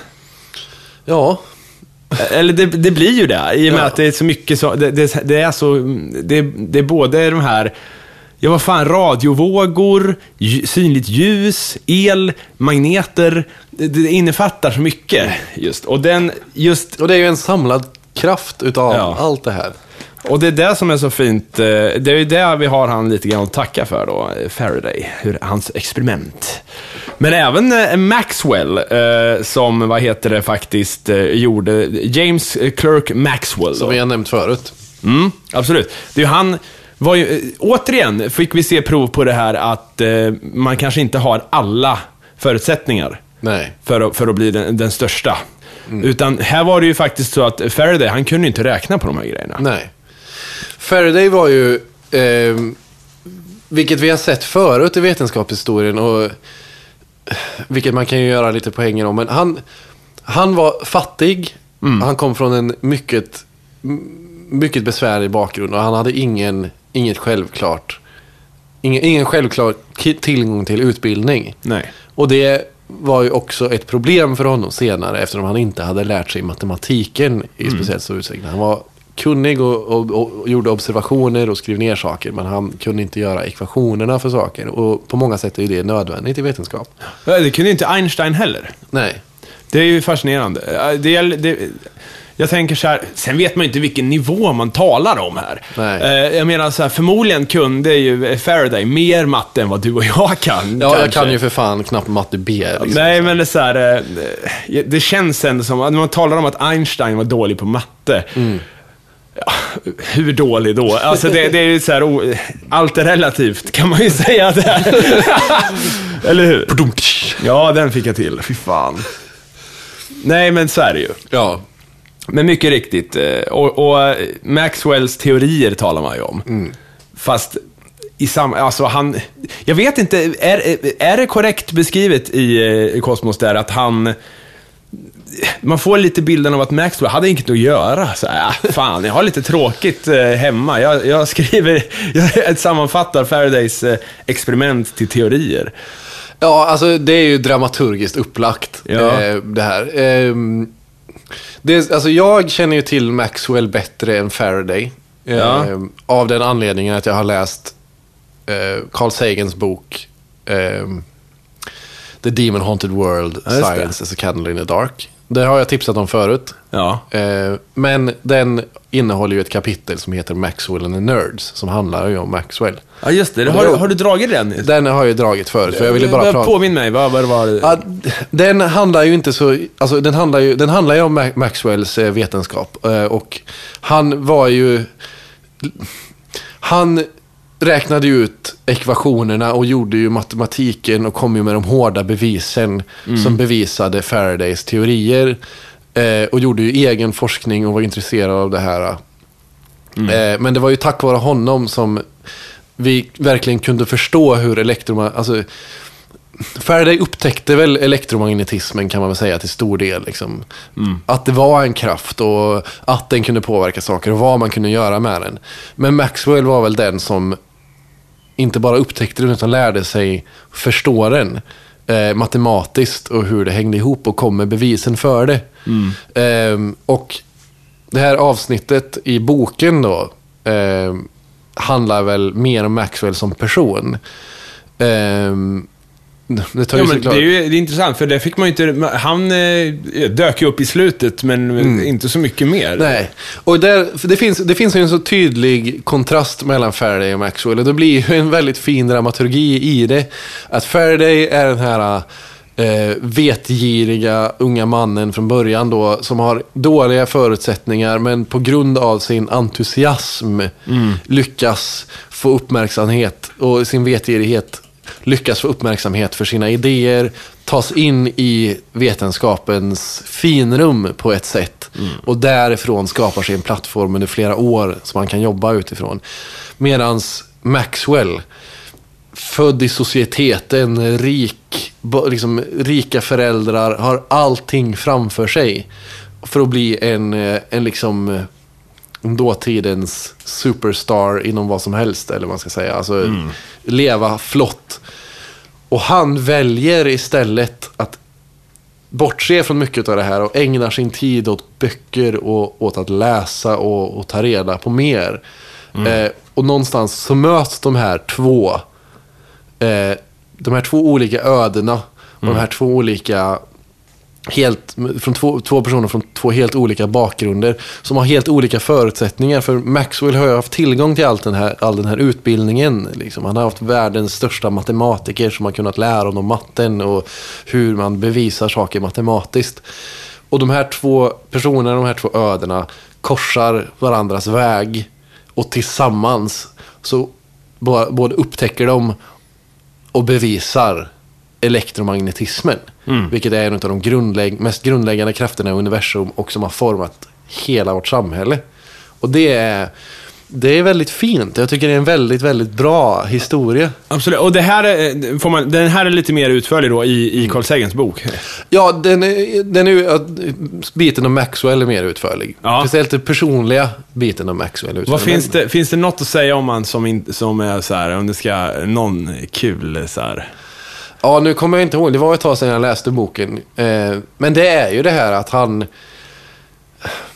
Ja, han, han väljer bort societetslivet för sina matteböcker och han är en riktig nörd. Liksom. Ja, just det. Det Carl Sagan försöker förklara är att... Alltså, alltså, ja, nördarna är egentligen bara de som, som brinner för sitt intresse. Eh, och de har format våran värld. Sett i det hela. Liksom. Man kanske är underlig eller lustig eller inte passar in socialt. Men det här passionen för, för kunskapen och passionen för att djupdyka ner och djupare i sin... Liksom, det som driver en vidare är, har varit en tillgång för oss alla. Ja, men det där ska man komma ihåg tycker jag. Eh, jag tänker på den här, sån här The klassisk... nerds will inherit the earth. Ja. Revenge of the Nerds, Nerds finns det ju en gammal eh, film som heter. Där det går ut på en massa nördar och sen tar de strid mot eh, fotbollskillarna. Eh, Ja. Klassisk eh, high school-maner. Ja. Men det är ju så, jag menar fan... Eh, folk som dissar vetenskap till exempel. Mm. Men gör det genom att skriva på sin dator. Eller, eller så här, ah, vad ska vi med, med forskning till? Mm. Ja. Nu ska jag gå och titta på TV. Det är så här, ja men vad fan, tack vare forskningen så kan du göra de här dumma grejerna. Ah, fan alltså. Du driver din homeopati-hemsida. Så här, Natural News är ett av mina favoritexempel på det här. Det är världens mest teknikfientliga jävla hemsida. Som verkligen propagerar ut antivaccin och chemtrails och... Ah. Ja, men stäng av datorn då. Ja. Flytta ut i skogen i så fall om det är så jävla hemskt med allt det här. Elallergiker. Mm, ja, precis. Det är de säkert också hela bunten. Ja, fy fan, nej men det, ja, nej. Som sagt, jag tror ju inte att eh, teknik är, är en fiende alltså. Nej, jag tror det är, jag, är- alltså, jag är teknikpositiv. Ja. Så här, jag, jag, kan, jag kan erkänna att jag har stora problem med, med mycket i vårt samhälle. Men Mm. jag tror snarare att tekniken kan vara en lösning på nästan allt det där. Det tror jag med. Jag menar, vad fan, titta på eh, fattigdom och så vidare. Eh, varför inte alltså jag tror ju på tekniska lösningar där mycket. Att om vi kan hitta ett sätt att bevattna öknen på till exempel. Ja. Och, och sådana såna grejer. Ja. Nej, men så, alltså, ja, nej absolut. Mitt drömsamhälle, det är ju Star Trek. Ja, Rakt av. jo det är Det, jätte... det är ju allting jag vill ha. Det är, ett, det är ett samhälle som har utvecklats så långt att de här motsättningarna som finns i dagens samhälle har liksom försvunnit. Det är alla, alla har samma möjligheter, alla har samma rättigheter eh, och så vidare och så vidare. Det enda jag har in, anmärka på Star Trek-världen, det är ju att Ja. eh, klädkoden, Ja, eh, fast i och för sig gäller det ju bara Starfleet, de andra civilklädda. det är ändå uniform. Ja, det är sant, men det är ändå jävla tråkigt. Och sen, och sen deras, just det här, den enda kulturen som verkar ha överlevt är klassiska eh, stycken, musikstycken och så här riktigt jävla sunkiga filmer. Ja. Det, det är inte, våran podcast kommer ju inte överleva till Star Trek-samhället. Nej, Och, och det är också lite så här. vad försökte de säga där egentligen? Skaparna. Att, Ja, Fast alltså, jag, jag ser ändå en, en härlig charm i det här. Liksom. Ja, när, när hela samhället, alltså varenda människa som föds i samhället har tillgång till att kultivera sig och leva sin person fullt ut. Ja. Kommer då någon lyssna på dubstep? Ja men, ja men vad fan, samtidigt så känns det som att ju längre vi kommer, desto mer blandas ju alltihop på det här post, postmodern man. Ja. Att, eh, vad kommer sen, när, när inget nytt kan uppfinnas utan allt bara blandas. Ja. Det är ju jävligt konstigt att något helt här, stilrent som klassisk musik har överlevt hela vägen dit. Ja men det är ju, alltså, det är ju lite pretensioner. Jo, det är det ju, ja. De försöker ju visa ett högt stående samhälle och då använder Ja. man ju sin egen måttstock för det. Ja, det är sant. Det är Men sant. jag det ska som- inte klaga på det. Men, Nej, men ja, det, det som jag skärmas av i Star Trek att jag tror ju fan på det i samhället. Liksom. Jag tror kanske inte på att vi kommer resa, resa runt och träffa folk med konstiga pannor. Liksom. Nej, nej. Men Om vill en- snacka rymdmonster så är de sämsta i Star Trek, fan. Ja, men, men liksom med ett, ett, liksom ett samhälle som utvecklas bortom sina, bortom sina begränsningar. Att när liksom, tekniken och vetenskapen liksom spränger barriärerna för Ja. för, för vad som är möjligt och, liksom, och då omformas samhället och alla tas upp i det här. Det är, det, fan, det är så jag vill ha det. Ja, men det är fint. Jag gillar ju också den eh, utopin ändå. Mm. Men samtidigt, så här, ja, lite trist skulle det ju bli. Ja. Lite trist skulle det bli. ja. Men, men hellre lite trist än eh, ibland för jävligt. Det tror jag i och för sig. Ja, men så är det ju. Så Ja. är det ju. Ja, jag vet inte. Jag vet inte vad mer vi ska säga riktigt om, om avsnittet och, och eh, elektromagnetismen. Är, man kan väl läsa den här boken då kanske, som du tipsade om. Om man vill Ja, det är väl kanske inte världens bästa bok eh, kring det, men... ah, Ja, vad ska man säga? Han, de upptäckte elektromagnetismen. Vi har pratat om mycket av det som i, i, i tidigare avsnitt. Eh, det var ett, ytterligare ett avsnitt som fokuserade väldigt mycket på personer. Eh, och Jag har i och för sig en sak jag skulle kunna dra om. En, en eh, fascinerande grej är ju att eh, elektromagnetismen, det, är ju ihopslagningen av två krafter kan man säga. Elektro och magnetism. Ja. En snubbe kom på, ah, det är samma grej. Och Einstein lite grann slog ihop det här med tid och rymd till rumtiden. Ja. Också två begrepp som slogs ihop. Det är ju det, det heliga graal för vetenskapsmännen är ju att hitta the grand unified theory. Ja. Som är ihopslagningen av alla sådana här fen- fenomen, Ja. krafter och liknande. Ja, det, det är ju, det, som du säger, det är ju målet nästan för, för fysiken, astrofysiken, är ju Ja. att, att, att lösa den ekvationen. Den stora ekvationen som vi ska kunna förstå allting. Liksom. Vad är frågan på 42? Det är i princip Ja, ja visst. Och, och, om man räknar baklänges till Big Bang, så vid något tillfälle där så är ju alla de här krafterna en och samma. Men sen svalnar det och då poppar det ut elektromagnetismen, gravitation, äh, kanske inte gravitation, jag kommer, ja. Jo, det gör det säkert. Jo, men det är olika teorier, vet du. Det finns ju den här teorin om eh, inflationen. Som nästan är bevisad nu, att, eh, att det drog kraft ifrån gravitationen och, och expanderade. Och Att det är ett jävla virvar av olika eh, utsagor där, tycker jag faktiskt. Ja, men vetenskapen är ju inte helt på det klara med vad det faktiskt är heller. Utan Nej. det är ju fortfarande teorier som snurrar runt. Men en del är ju i alla fall att de här krafterna var ihopslagna då, när universum var så varmt och så tätt som det var. Och sen, sen när det svalnade och expanderade så blup, blup, blev det olika krafter. Ja, men alltså universum har ju skapats ur en singularitet som var Big Bang. Och därför så sitter ju allting på sitt sätt ihop. Och det är väl därför som man har, jagar den här teorin om allt. Eh, för att på något sätt har allting varit en och samma. Och därför så hänger det ju ihop fortfarande. Eh, och vi har ju kommit närmare, liksom, genom alla vetenskapliga framsteg, så har vi ju kommit närmare den här eh, theory of everything. Liksom. Ja. Saker och ting har ju slagits ihop. Det är, det är ju inte olika, helt olika saker. Liksom. Framförallt, eh, jag eh, svävar iväg här i tanken, men, men just krafter. Ja, Det är ju egentligen magi, lite. Vi, Ja. Fast att vi vet hur det fungerar. Ja. Men om det, vi skulle föra in en ny kraft Mm. i vårt universum, som vi inte har sett tidigare, då skulle ju det vara magi. Vi skulle Mm. ju uppfatta det som det. Ja, det, det skulle jag. Och, det är det som är lite... Alltså, och det är det som är lite läskigt med vetenskapen. För till, till, till, till någon... Vid något tillfälle så, så kommer man ju till det här att, ja men varför är det så här? Ja, Och det bara, nej, men det bara är så. ja och där Och är man okej, så. men var, här, var, varför är det så? så här, jag vet inte, men det bara är så. Uppenbarligen så bara är det så. Vi, allt vi har gjort för att kunna ta reda på hur det är har visat att så här är det och Ja. vi måste bara acceptera det. Men jag kan också störa mig lite på folk, superskeptiker får vi kalla dem. Mm.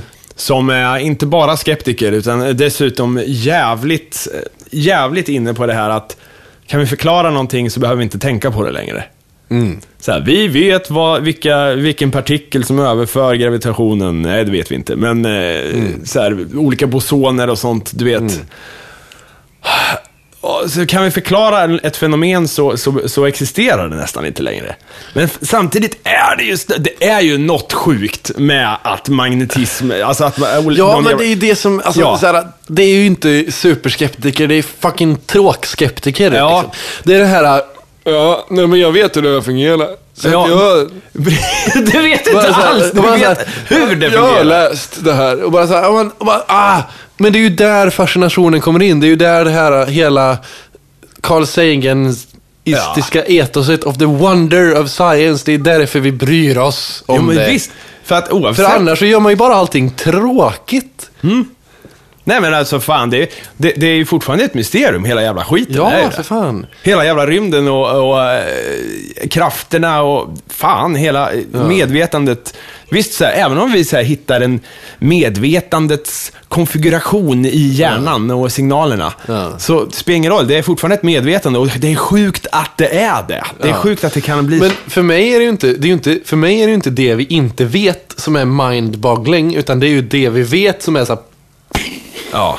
typ så här, varför i gudskelov är det så här? Och det är så jävla coolt att det är så här. Det är Jag ju det, är som är... Precis, och det här tycker jag är synd när man rapporterar om vetenskapliga upptäckter och så vidare. det, det finns ju en tendens i media att man tonar ner det på något sätt. Ja. Att det är lite kul. Att nu har de upptäckt det här. Ja, men det är ju helt sjukt. Att de har upptäckt i princip eh, bevis för inflationsteorin. Ja. Det är ju mer än bara någon jävla forskare som har tänkt, ah, det här är lite, eller, en kul matematisk grej. Nej. för det var så här du skapades. Ja. Om det går ända vägen tillbaka. Hur kan det inte vara intressant? Ja, nej, men, ja, men nej, det är som du säger. Det finns ju mycket, mycket med det här med media. Det är antingen ett så här, vi har upptäckt en grej. Det är botet mot cancer. Eller nu kan vi färdas i ljusets hastighet. Och bara, nej, nej, det är inte så. Utan det, det är en upptäckt en grej. Se det för vad det är och bli fascinerad över det. det. Eller så är det... Ja, det måste gå att koppla till, Ja. till, till, till eh, populärkulturen för att det ska bli uppmärksammat. Jag vet inte hur många gånger jag läste här om att NASA har påbörjat att bygga en warp drive, som Ja. i Star Trek. Eller så är det här att vi har hittat en ny grej, typ, vi har sett en ny planet. Det kan finnas intelligenta dinos- dinosaurier där. Och då blir det också så här, det var ju faktiskt någon som, som sa, någon forskare som sa i förbifarten att eh, ja, typ intelligenta dinosaurier skulle kunna leva där. Wow, coolt. Jätteoansvarigt. Och så, så blev det eh, i, i media blev det forskare hävdar att det kan bo intelligenta dinosaurier på den här exoplaneten. Och det blir så här. Det blir också den här, what do we see? Nothing. Conclusion. Dinosaurs. ja, det är så, ja. Det är så, det är så klockrent. Så jag, jag, Ja. jag, ja. Nej, nej, men visst. Visst. Det är så jävla... Men håll med mig, jag menar den här jävla warp-driven. Som de eh, påstås ha börjat bygga. Så här, det- är någon som har kommit på, om vi hade en magisk form av materia, som kallad exotisk materia. Som inte finns. Ja, som inte finns, utan de har hittat på en materia som täcker deras behov. Det som saknas i den här warp-driven är någonting som inte finns. Så då hittar de på hur det skulle kunna vara. Men det är inte... Hur kan man ens få betalt för att forska på, på påhittade grejer? Och, men, men, men, men som jävligt ofta så tror jag att så tror jag handlar mer om medierapporteringen än vad den faktiska forskningen är. Ja, alltså man kommer på en, man, alltså man, man, man forskar kring någonting och kommer fram med hypotes, ursäkta, hypoteser. Och sen så när man ska förklara det här hypotesen för, för lekmän, eller vad man ska säga, Ja. eller för journalister som vill ha en rubrik. Så säger man det här och så råkar man säga, ja men om det skulle finnas någon sån här typ av materia, så då skulle den här kunna funka i teorin. Så är det, va? Så ni har kommit på det? Nej, för den här typen av materia inte, finns inte. Och så blir det, ja, magic materia, bla bla bla bla bla. Och så blir det så här, åh. Och så blir det liksom forskning som kanske inte är så jäkla relevant, men som ändå säkert kommer fram till massa andra saker. Men det som rapporteras om är ju inte det Nej. användbara. Nej, men man förstår ju lite grann folk som klagar på grundforskning Mm. Ja. när de, när, där man får läsa hela tiden de här nonsensgrejerna. Ja, Varför det- rapporterar man inte om något som faktiskt... Jag menar, det känns... Visst, om jag inte var intresserad av vetenskap och bara läste Aftonbladets upptäckter, då skulle jag tro, ett, att eh, astronomer bara bryr sig om att hitta E.T. Det är det. E.T. eller planeten i Star Wars, där det Ja. finns två stjärnor. Det är det enda de letar efter. Ja. Och eh, andra forskare, i princip alla andra, de, de letar bara efter sci-fi-grejer då. Nej.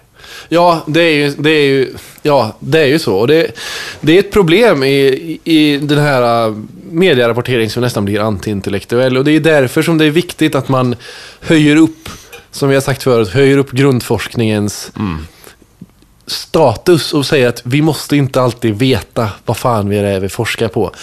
Faraday och Maxwell visste inte att deras forskning eh, kring den här, eh, en av universums grundkrafter skulle leda till att vår civilisation ser ut som den gör. Skulle kunna leda till att du och jag sitter och spelar in en podd Nej. som, eh, som kommer gå ut på internet och som kommer nå i alla fall några lyssnare. För det är elektromagnetismen och vår förståelse för det som gör det möjligt. Ja, och det det är visste väl för fan inte de. Och det är elektromagnetismen som gör att jag kan jobba på ett kärnkraftverk som har en stor jävla generator. Mm. Som skickar ut elen som ger kraft till den här mikrofonen som jag pratar i just Och nu. datorn, nej, det är, Nej. jag häpnar. Bara tittar omkring en så är det ju Ja. det Och det, det, var ingen som, det var ingen som kunde förutspå det. Nej. Men det, man upptäckte det och det var det som hände. Man, lä, man, man, man, man, an, man använde vetenskapens eh, resultat till någonting som vetenskapen inte försökte sträva efter. Och det är det som är det fascinerande när vi upptäcker mer av vår verklighet. Att vad kan vi göra med det här nya vi har lärt oss? Ja, Underbart. Hörru du, eh, Med tiden de har- orden.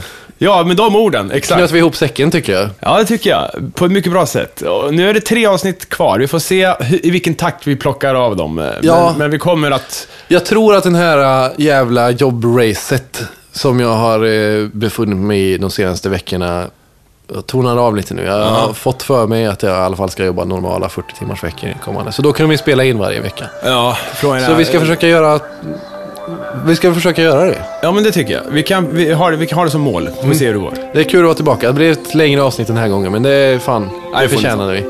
HM Hammarin, ät HM Hammarin på Twitter. Att ättes, attestupan. Yes, Ha det gött. det är riktigt gött. Hej. Hej.